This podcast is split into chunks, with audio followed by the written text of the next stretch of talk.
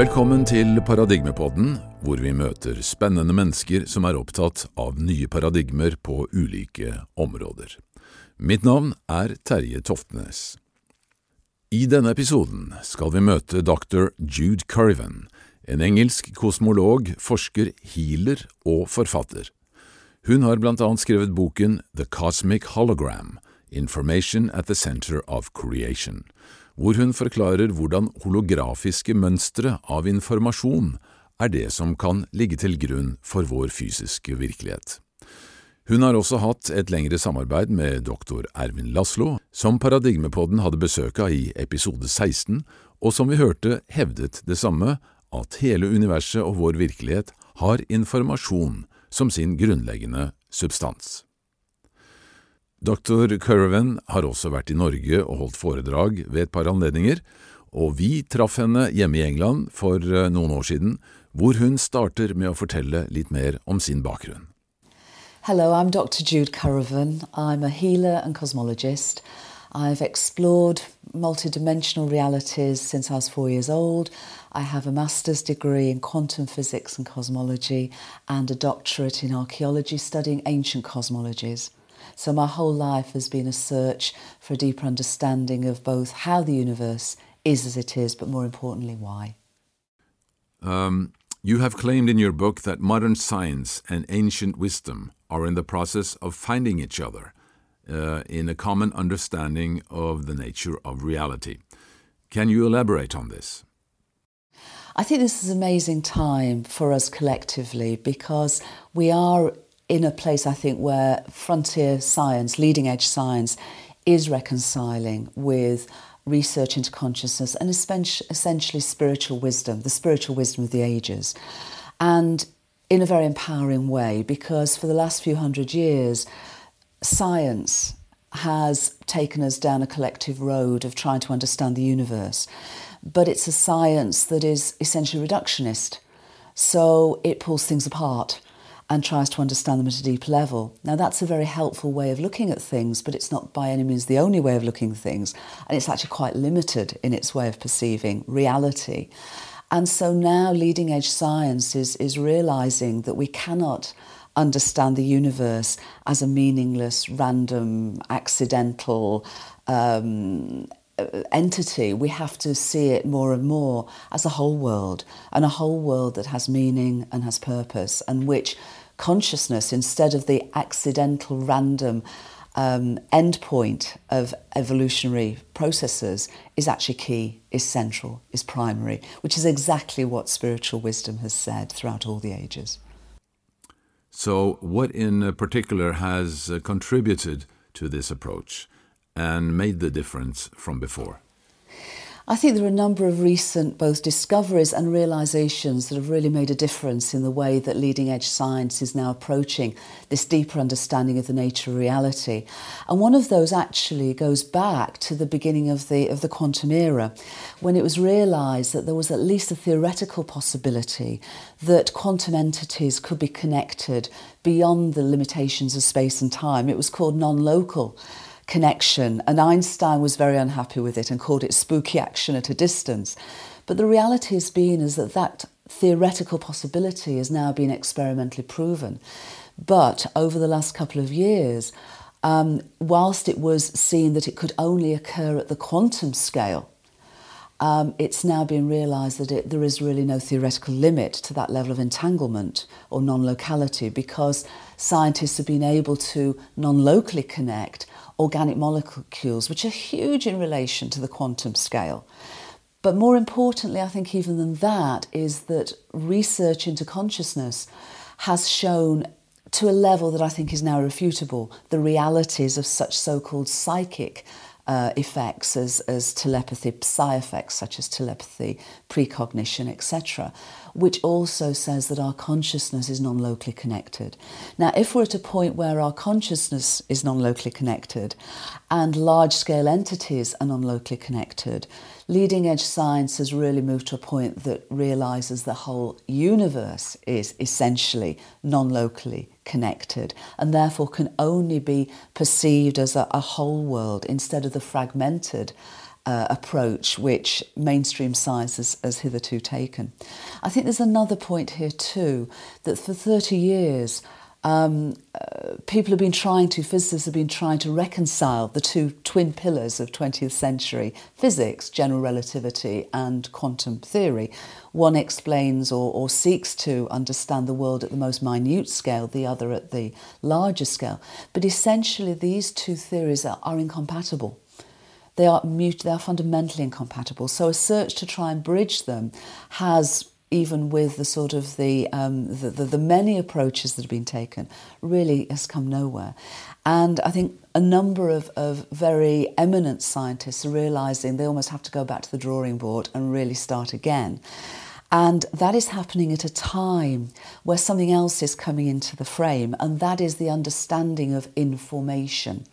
Because the same mathematics that describe physical states and the maximum amount of, of order or disorder in physical states is exactly the same mathematics that describes the amount of information that can be held within space and time.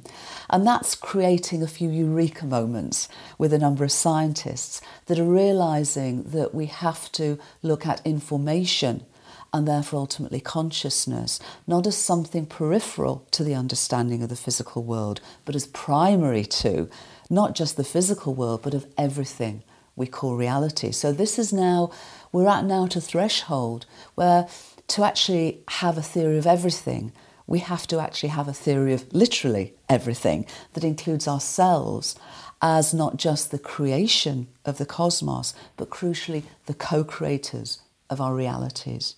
So, this is about the whole, under, our, our entire understanding of the nature of reality itself. And that's where science and spirit come together. That's really beautiful. But in this perspective, um, what about the Big Bang Theory? Does it still hold?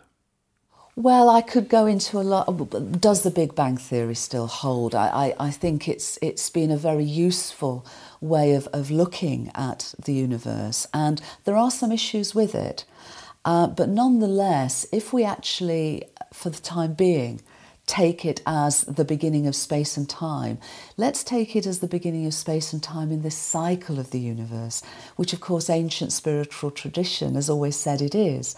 And ancient spiritual traditions, such as that of the, the, the Indian tradition, the Vedic tradition, talks about this cycle of the, of the universe being the outbreath of Brahma the outbreath of God, which in ancient language is very similar to the beginning of space time at a, at a small point and then whoosh, the outbreath of a cycle of experience.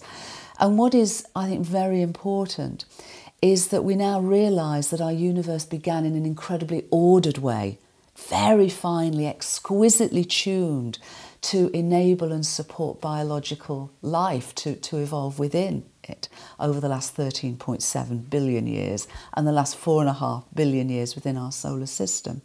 So, if we see that our universe of space time began in an incredibly ordered way, what it's doing is it's moving from a very, very high level of order to a high level of disorder. In other words, a cycle of entropy, a physical cycle of entropy unfolding. And as the same mathematics to describe thermodynamic entropy is the same, or energetic entropy, is the same as that describes informational entropy. What our universe did was start at a very high level of order, low level of disorder to a high disorder, low order, but a very low level of information unfolding to a very high level of information. In other words, our universe is incredibly perfectly structured to allow consciousness to explore itself through this cycle. And as this cycle progresses, to embed, embody ever greater levels of complexity and therefore consciousness within this exploration of cosmic mind exploring itself. But uh, let's go back again to the uh, phenomenon of non local entanglement, which seems to mark a major breakthrough in the understandings of quantum physics. Can you go a bit deeper into what this phenomenon really is? Non local connection, as Einstein called it, spooky ac- action at a distance, which he hated the idea of, seems to be completely counterintuitive because what general relativity says that within space and time nothing can go faster than the speed of light. And yet quantum physics theorized that actually there could be created twin quantum particles, entities, that could be separated by the width, the scale of the universe, and not just separated in space, but also separated in time too, that nonetheless could literally act as twins. So when one characteristic of the particle, one particle, one twin changed, the other would immediately change. How could that happen? When essentially no signal could pass between them. And this was the great dilemma of what non locality was all about. And until the 1980s, it was still a theoretical and troubling possibility. But a French physicist called Alain Aspect in the 1980s proved the reality of quantum non locality or entanglement, as it's sometimes called. But still, the physicists were saying it can only be limited, it's only limited to the quantum world. And most quantum physicists, to be honest, are not theoreticians, they're technologists. They want to know what quantum uh, mechanics can actually do in terms of computing or other technologies. So they, they don't really want to think too, too deeply about one, what non locality really is about. But nonetheless, aspects show that it was a reality. But more than that, over the last period of time, the last 10, 15 years, it's been shown that it isn't limited to the quantum scale of existence. Bigger and bigger entities are being shown to be able to be non locally connected to the extent of, of huge in relation to the quantum scale organic molecules. And by being able to non locally connect at that scale of existence, shows that really there should be no physical scale to which non locality uh, can't be attributed. At the same time, further and further research into the nature of consciousness and the evidence for such psi effects as, as telepathy and precognition and remote viewing shows that our consciousness, our minds are connected also non locally.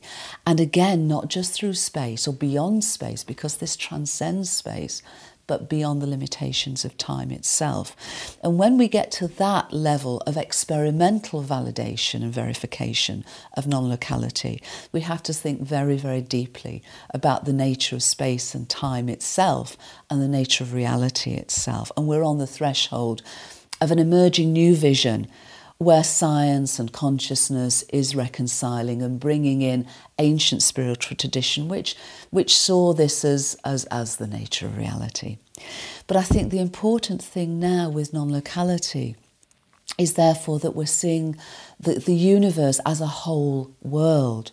And what that really means is that within space time, there is causation at the very beginning of what we call space time, this cycle of the universe, it was so ordered that the principles of entropy essentially meant that time moves in one direction. Two o'clock follows one o'clock, three o'clock follows two o'clock. We have, therefore, within space time, this, this cause and effect process, this sense of time unfolding, the past to the present to the future. And as human beings, we explore, we experience consciousness in this way. So that within space time, cosmic mind has set up this beautiful unfolding of our experience. But at the same time, literally at the same time, non local connectivity means that what we experience is, is known by the entirety of cosmic mind immediately. It's an awesome perspective, but it's a perspective that's now uh, at an incredibly accelerating pace, coming more and more into a mainstream awareness and a literal radical transformation of our view of the nature of reality and therefore our understanding of who we really are and our relationship with the wider cosmos. Ooh. This is fantastic. so then, the $10 million question What is consciousness? Oh, I wrote about this in my first. Yeah, what is consciousness? And I, I, I, you know, for the last 80 years, Um, neuroscientists, uh, anyone trying to understand the mind and understanding consciousness. There's almost been as many uh, definitions of what consciousness is as there are psychologists and neuroscientists. But I think the big issue and the big debate has been is consciousness, does consciousness emanate from the brain? And if so, how can something immaterial arise from something that is material? Or is consciousness or does consciousness transcend the brain? And that would be my view. My view is that of, of Stanislav Grof's view, and he has this, I believe, wonderful metaphor. He said, Look at a television. When you look at a television, the signal, the, the, the, the content of a program doesn't emanate within the television. The television is the receiver and transmitter of that signal. Similarly, the brain is the trans- transceiver, as it were, the, the, the, receiver and the transmitter of consciousness. And my research over many, many years, and more and more biologists are coming to this view, is that it's not just the brain, but our entire body is consciousness or is information or is awareness. So there are many, many different levels of that awareness subconscious, the consciousness that is having me speak and, and our viewers listen at this and see at this moment, and super consciousness. And from the age of four, um, I've literally walked between those worlds.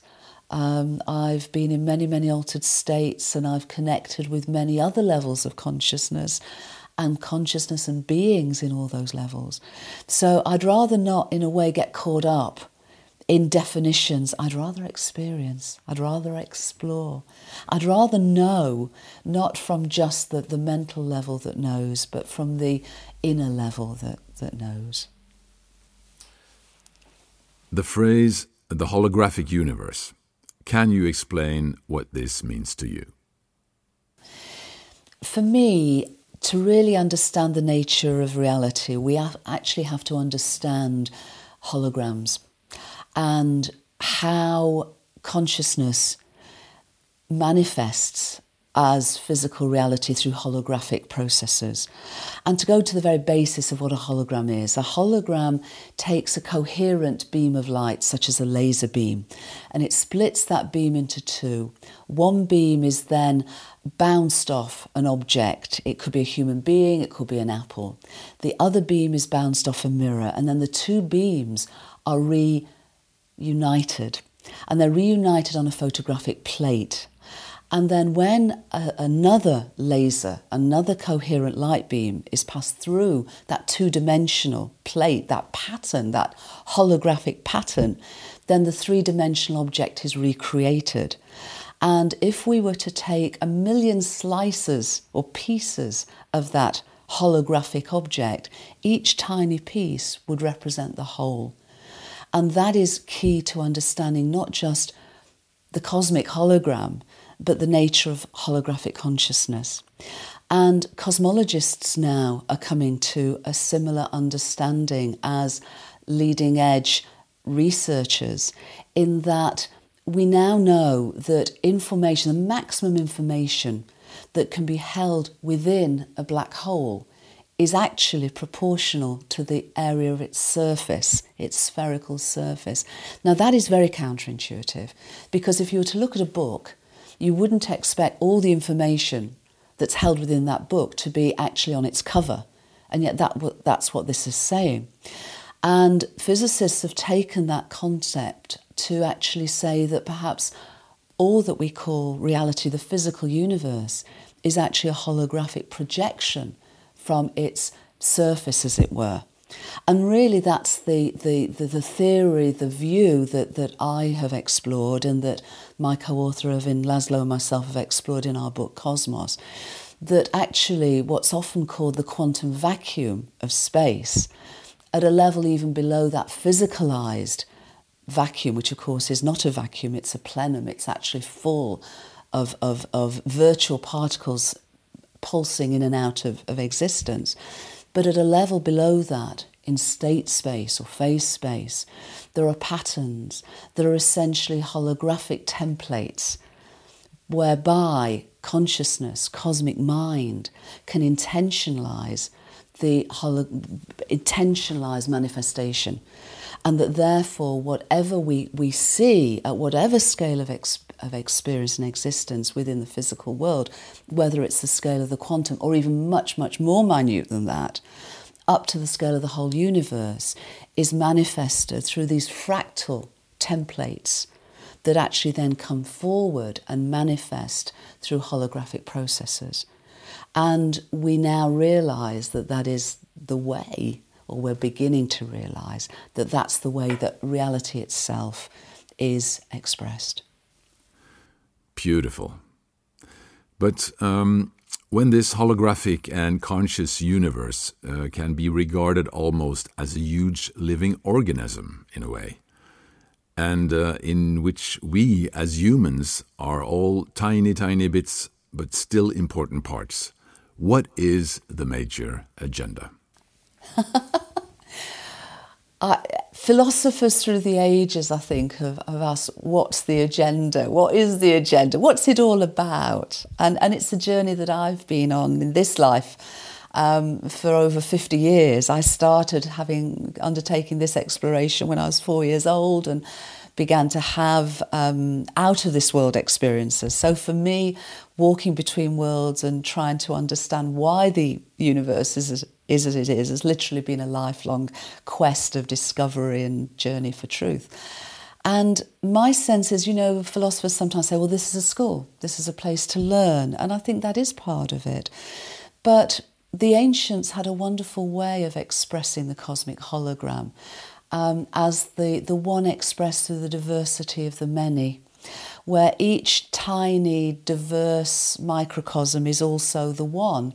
So we're both the one and the many. We're all of it. We are divine, we are human in its entirety. And for me, it's about exploration. It's about cosmic mind exploring itself with a maximum optimized number, amount of, of diverse experiences.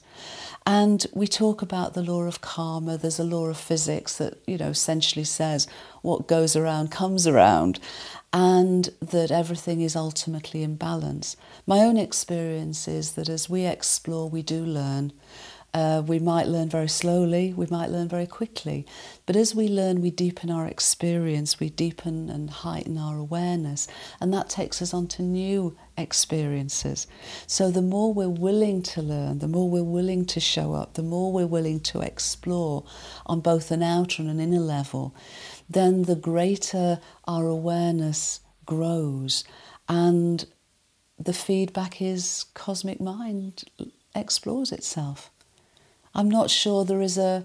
It's funny, we talk more and more about the journey rather than the destination, but in a way, I see cosmic mind enjoying the journey rather than there being any specific destination to arrive at. Um, but you call it the cosmic mind.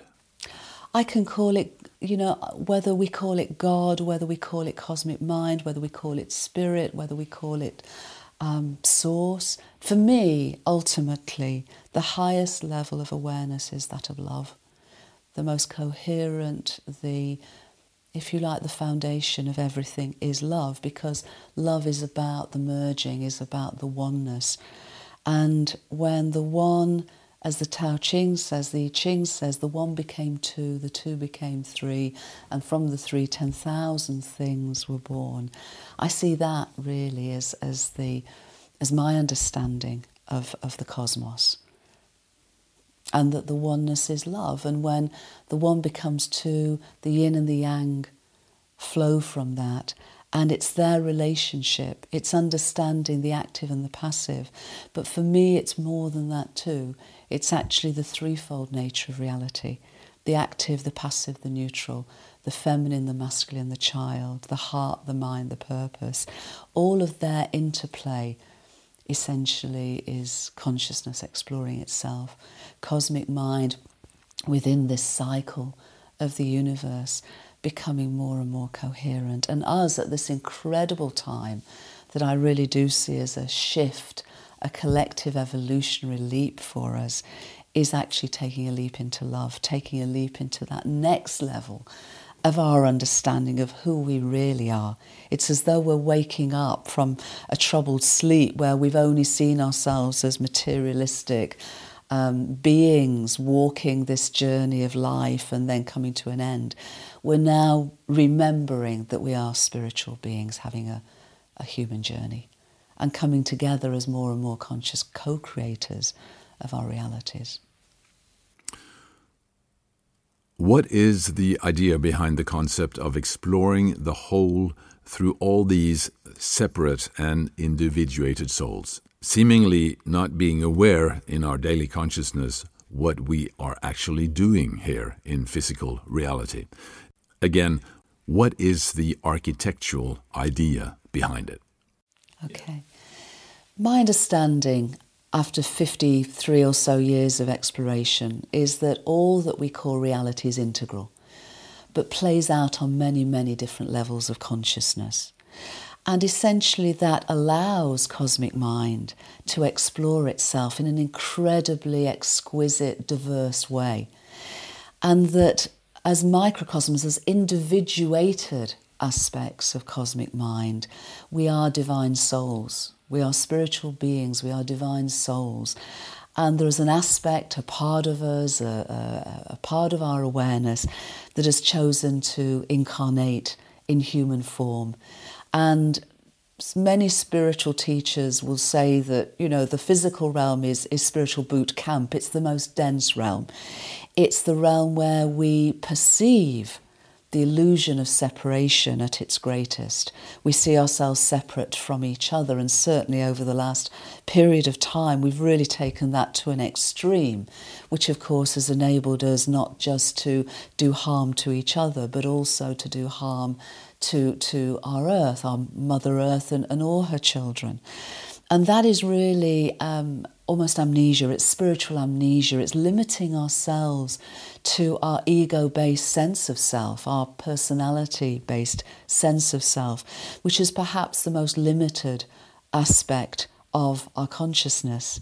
And so, from my perspective, when we open ourselves, and especially when we open our hearts, we begin a process of remembering, not just mental remembering, but literally remembering the dismemberment of, of our perspective. And as we begin to remember ourselves, our, ex, our, our awareness expands and we ultimately remember the wholeness of our soul. The ancient Indian tradition of chakras sees that we incarnate in human form, and our consciousness is mediated through seven primary chakras, which mediate different aspects of our experience and consciousness. My own experience and understanding is that we're now opening, our, we're now able to access newly available energies or levels of awareness of, of the eighth and, and higher level chakras that are essentially the energy field of our soul. And many spiritual traditions and a lot and more and more mystics and spiritual teachers now, including myself, see that we are remembering, accessing transpersonal chakras, which take us from a sevenfold energy matrix to a 12 fold energy or 12 into 13 energy matrix. And so at each level, as our, as our awareness expands, we're able to access more archetypal, more collective and archetypal aspects of what is ultimately unity awareness, ultimately our soul level awareness, ultimately what we could consider as Christed awareness. And for me, that is, this is the shift that we embody what the great spiritual traditions and teachers have said that we are Christed Buddhic beings and that we're now able to embody that awareness through our human journey. Great. But this uh, shift, as you put it, how will people actually experience this? We're under we're actually already in, in my view, a shift of consciousness and a shift of consciousness that is gathering pace at an amazing rate. We've brought ourselves through our limited understanding of ourselves and primarily through a scientific paradigm that's seen the universe as fragmented and meaningless, we've really brought ourselves collectively to the edge of a global breakdown. My sense of this shift of awareness that's happening now is, to say it very simply, it's time. If you look throughout the last 13.7 billion years of our universe unfolding, there have been waves of evolution. Our sun is a third or fourth generation star. There were stars before that. And in each case, in each wave, more and more complexity has actually been embodied and embedded within what we call space time. And over the last four and a half billion years, that process of those evolutionary processes have, have continued to take that forward on Earth. And there have been waves, there have been waves of, of beginnings, growths, fallings away, but each time, whether those waves have ended cataclysmically or, or, or quietly, there's been a, another wave coming along that in its own turn has embodied and experienced greater and greater levels of, of complexity and consciousness. And so it is with our human journey. We've come to a point, I believe, that on that greater picture of consciousness exploring itself, that we've come to this point of an evolutionary leap in our own experience and awareness.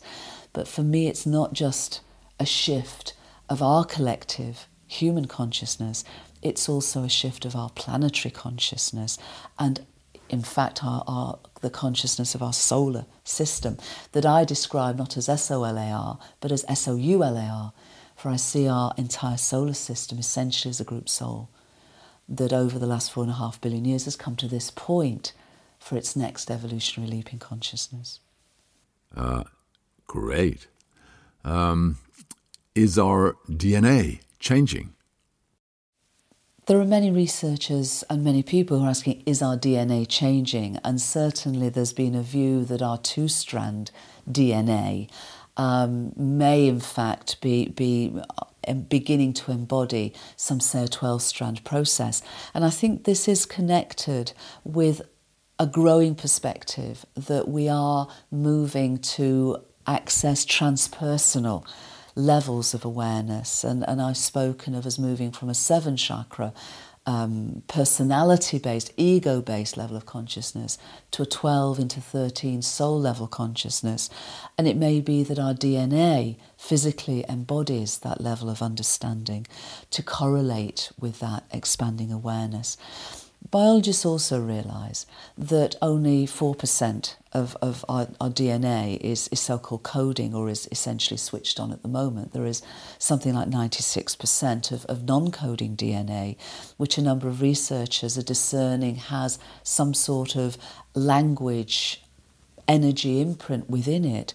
So, again, is, is that somehow um, giving us guidance from a future selves? Um, I think this is unfolding. This is an understanding that is truly unfolding. And I think what we really need to do is to be open to those possibilities because this is a shift of awareness that the thing that is going to hold us back is actually a limitation in our understanding or clinging to beliefs that no longer serves us. I think we need to go where the evidence leads. I think we need to almost be cosmic surfers on this on this uh, wave, this tidal wave of change. You know, keep an open mind, but be discerning. Keep an open heart, and be open, because this is this is an amazing journey we've all chose to incarnate at this time to be fellow travellers within. Ah, yeah, you put things very beautifully. Uh, but since you yourself have been uh, traveling in uh, the dimensions, as you put it. Uh, what is your understanding of the dimensions or, or life in different levels of consciousness? You know, in order to, to understand dimensions of, of consciousness, perhaps the easiest way of, of perceiving it is to consider the electromagnetic spectrum. Now, up to a century ago, um, scientists didn't realize that you know, electricity and magnetism were fundamentally interconnected. And the only real understanding or perspective of the whole ele- electromagnetic spectrum was that of light. But if we now realize that the electromagnetic spectrum ranges from the most tiny gamma rays, X rays, through microwaves, vis- uh, visible light, infrared, and onto radio waves, and very, very long wavelength waves, we've got an electromagnetic spectrum that if we considered it a scale about this wide, then physical, visible light would only actually take up this part of the spectrum. And yet, 100 years ago, that was the only part of the spectrum we had any knowingness of. Now, think of the same idea as consciousness. If we see consciousness on many, many multidimensional levels as that equating to that entire spectrum, well, our human consciousness, the consciousness that I'm speaking from at the moment, we can consider just to be that of, of visible light, as it were. So all the subconscious and all the supraconscious dimensions of awareness at the moment, and certainly in mainstream science, are, are, are, are not experienced, let alone understood. But from a child, I've been exploring those realms. And as we move, the subconscious realms really are those learned habits, they're more primordial. They're, they, you know, they have vast amounts of information within them, but they form our habitual, autonomous, don't even think about it, responses and, and initiatives in life. But we're now starting to, and they're very much part of our human experience. But now, as part of the shift, we're beginning to move into the supraconscious realms of experience that is transpersonal. They take us beyond our personal sense of self. And as we start to explore those multidimensional realms, which of course spiritual seekers and mystics have explored for, for millennia, we're beginning to realize that there are beings, that there are conscious, aware beings, archetypal entities that inhabit those higher dimensions of, of reality. So people are starting to communicate with angels, communicate with elemental and devic beings, communicate with, with planetary beings, communicate with ascended masters, people who've passed over, all levels of awareness that are in this vast spectrum of multidimensional realities. And crucially, as we begin to expand our awareness beyond these very tight limitations that we've experienced for so long, it's not that we're escaping or going away from, from us as human beings. What we are doing is expanding our awareness and then bringing that expanded spiritual perspective of the whole world through our human experience. Well, um, channeling spiritual entities is what many people or mediums claim to do. Uh, but can we really trust the information presented through this kind of off world communication? Since I was four years old, I've experienced multidimensional realities. And for me, I'm also a scientist. I'm a healer, I'm a mystic, and I'm a scientist. So, all through my life, what I have asked time and time again is for validation. If I'm getting information, I need that validated. And that has happened on numerous occasions, too numerous to mention. But what it's done is it's enabled me to take step after step after step on this lifelong quest for truth and understanding because every time I've taken a step and been given information, I've had that verified. And that's just allowed me over many, many years to put greater and greater trust into what I'm being given. And that quest continues. And I think also, not just myself, but many, many people are finding this now. And one of the great validations, the great insights and, and, and magics of our time are synchronicities. My life now is, is full of synchronicities, the most incredible synchronicities.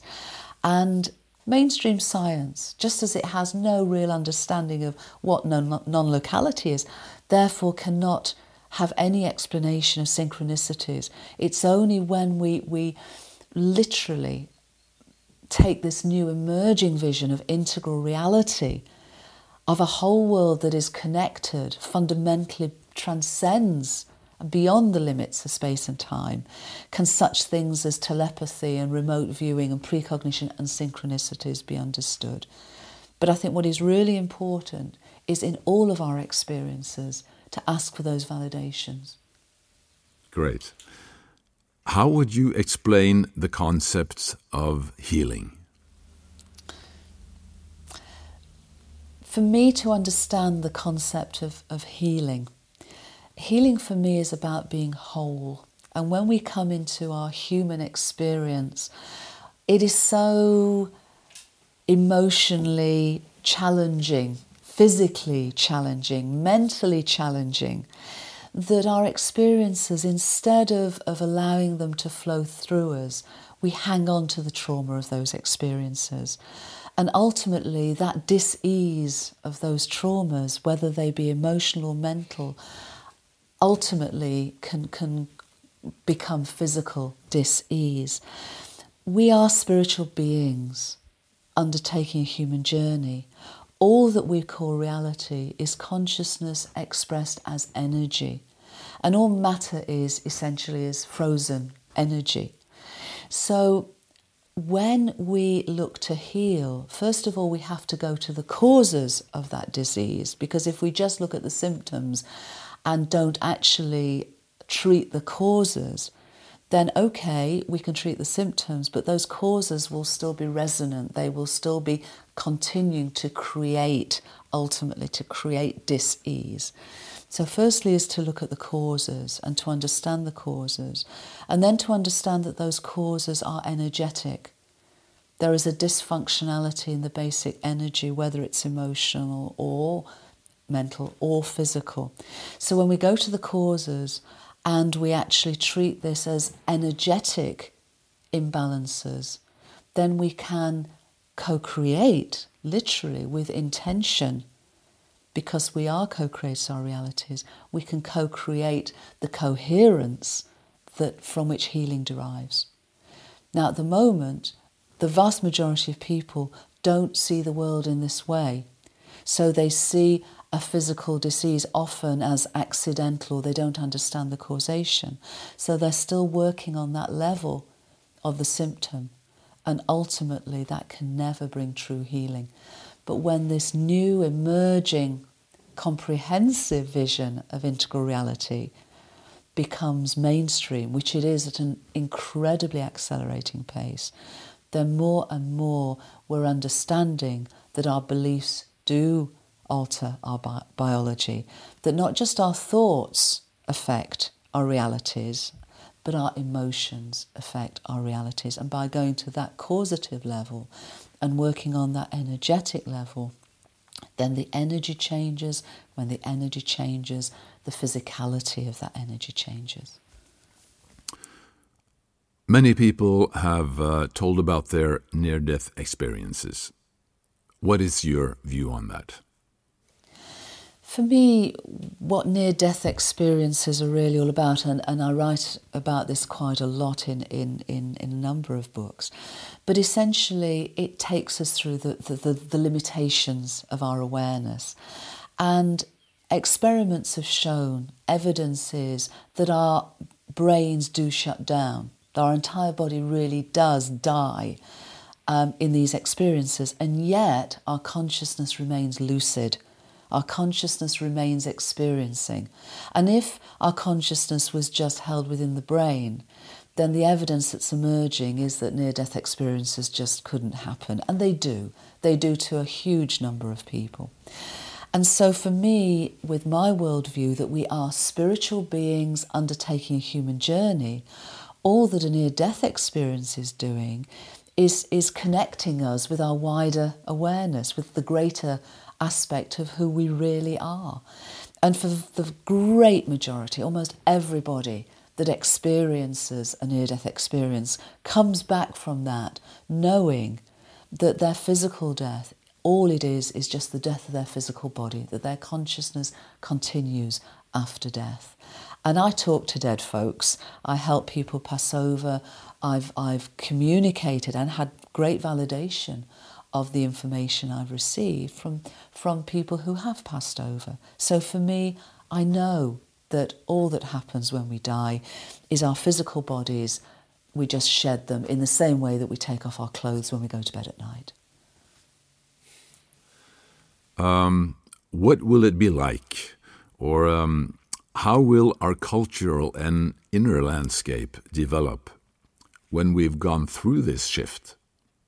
I don't know. I don't know because I feel that what will happen depends on our choices now. It's not about waiting and seeing, it's what are our choices now. If we make our choices now from love rather than through fear, I feel we're, we're moving together through a global breakthrough. But if we continue in the old way of being, which sees ourselves as frag- fragmented and separate, then essentially we are we will continue to co-create um, old the, the same answers to the same problems. But this shift is expanding our awareness. We're literally are waking up as though from a troubled sleep.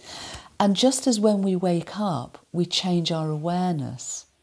So as the shift gathers pace, we literally are seeing the world in a different way. We're not just seeing, but we're experiencing the world in a different way. We're experiencing each other in a different way. We're beginning to experience and see each other as ourselves, no longer fragmented, no longer separate. And when that happens, we realize that when we hurt someone else, we are hurting ourselves. When we treat someone with love, we are treating ourselves with love. It really is the difference between night and day. The light is coming on, our vibrations are increasing, we're becoming more and more coherent, we're taking a leap into love together. And so, as we do so, we're also realizing that we are co creators of our realities, and we're becoming through this shift more and more conscious co creators of our realities. So, how we think changes, how we feel changes, how we act changes on both personal levels but on collective levels. We're realizing that we are a holographic consciousness, each of us unique, and yet each of us the same. And that one expresses the diversity of the many is completely and on an incredibly accelerating level changing the way we experience reality. Whoa, I'm just overwhelmed. um, the law of attraction, how does that work? There's a lot of talk of the law of attraction, and I think it's a very healthy discussion and it opens the door for a lot of people. But I think it can be over simply dealt with. And for me, we come into incarnation as human beings to explore, to experience, to learn on many, many different levels. And it's not just at the human level we're learning and experiencing and exploring. I see the world, the whole world, as cosmic mind exploring itself on many, many different levels. And so there, there are choices made, intentions set on levels way beyond that which we're aware of. When I came, when I, as I feel I did, made a choice to incarnate in this human life, I didn't make that choice at this human part of me. I made that choice at the higher self or soul level part of me. And what I feel is, is, is the case is that yes, we, the law of attraction plays out, but we need to understand that it's playing out not just on a personal level, but on collective and archetypal levels too. And that this shift of consciousness, this, this expansion of awareness, is playing out on many, many levels of consciousness too. What the law of attraction says is that what we believe, what we think, what we feel calls to us. And yes, I think that's a very profound truth of the cosmos because cosmic mind expresses itself as energy. All energy is in waveform at all different levels, and it's the interplay of those waves of energy that actually co create what we call our reality. So, if we are working on a lower vibrationary level of fear or, or pain, then ultimately that will resonate with circumstances, and we will in some way draw that to us Equally, if we expand our awareness and become more coherent and work on a higher vibration of love, that too will bring love to us.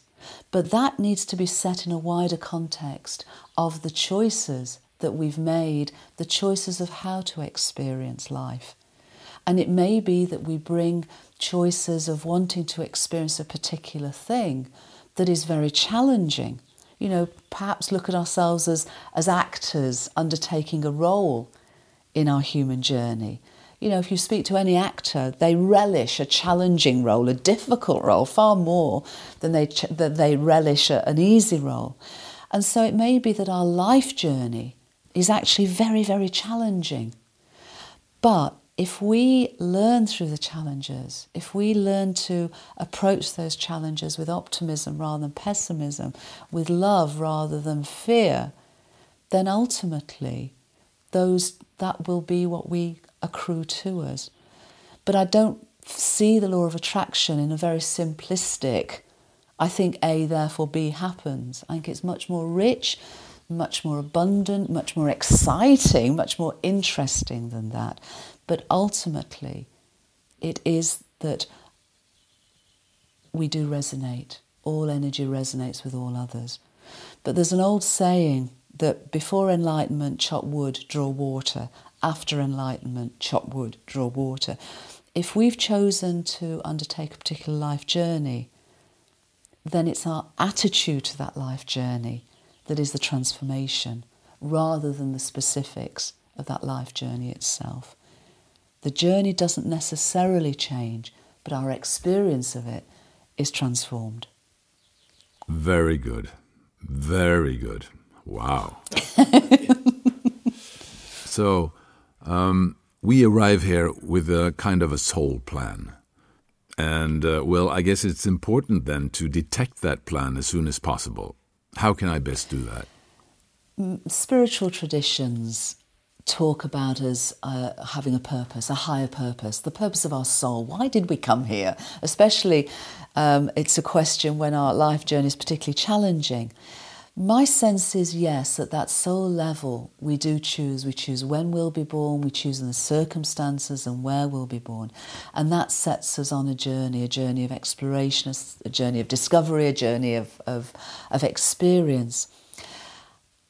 And that experience, if we're open to it, if we learn from it, can actually expand our awareness and actually become a very rich understanding of ourselves as spiritual beings undertaking a, a human journey. But I've got to the point in my own journey now where it's not so much that I feel I have a purpose, rather more than a, that I am a purpose. And when we when we see that we are purposeful, that every step we take has purpose, is purposeful, then I feel that it is liberating for us. Because so often when we do go along our spiritual path, we're desperate to know what purpose, what mission we have here. And sometimes that can actually be a burden rather than a, a, release. When we think, I think we take a step into perceiving that everything we do is purposeful, that we are purpose, then what we then do is all we need to do is show up. All we need to do, the only thing we need to do is open our hearts, open our minds, open our purpose to our highest guidance and allow it to flow through us. We don't need to see more than a step ahead. We don't need to see this incredible journey that we've chosen at some, some level of our consciousness to undertake. All we have to do is open ourselves and show up. And spirit, our soul, cosmic mind, God will flow through us. And it takes all the worry out of the journey. and it truly does allow us to be in the present and be fully present with everything we are in that present moment, in the here and the now. Thank you very, very much. You're very, very welcome. Hvis du vil være med å støtte vår podkast videre, så må du gjerne vippse oss et lite bidrag til VIPS nummer 524005. 524005. En femtilapp en hundrelapp eller hva du vil. Vi er kjempetakknemlig for alle bidrag. Så høres vi i neste episode av Paradigmpodden.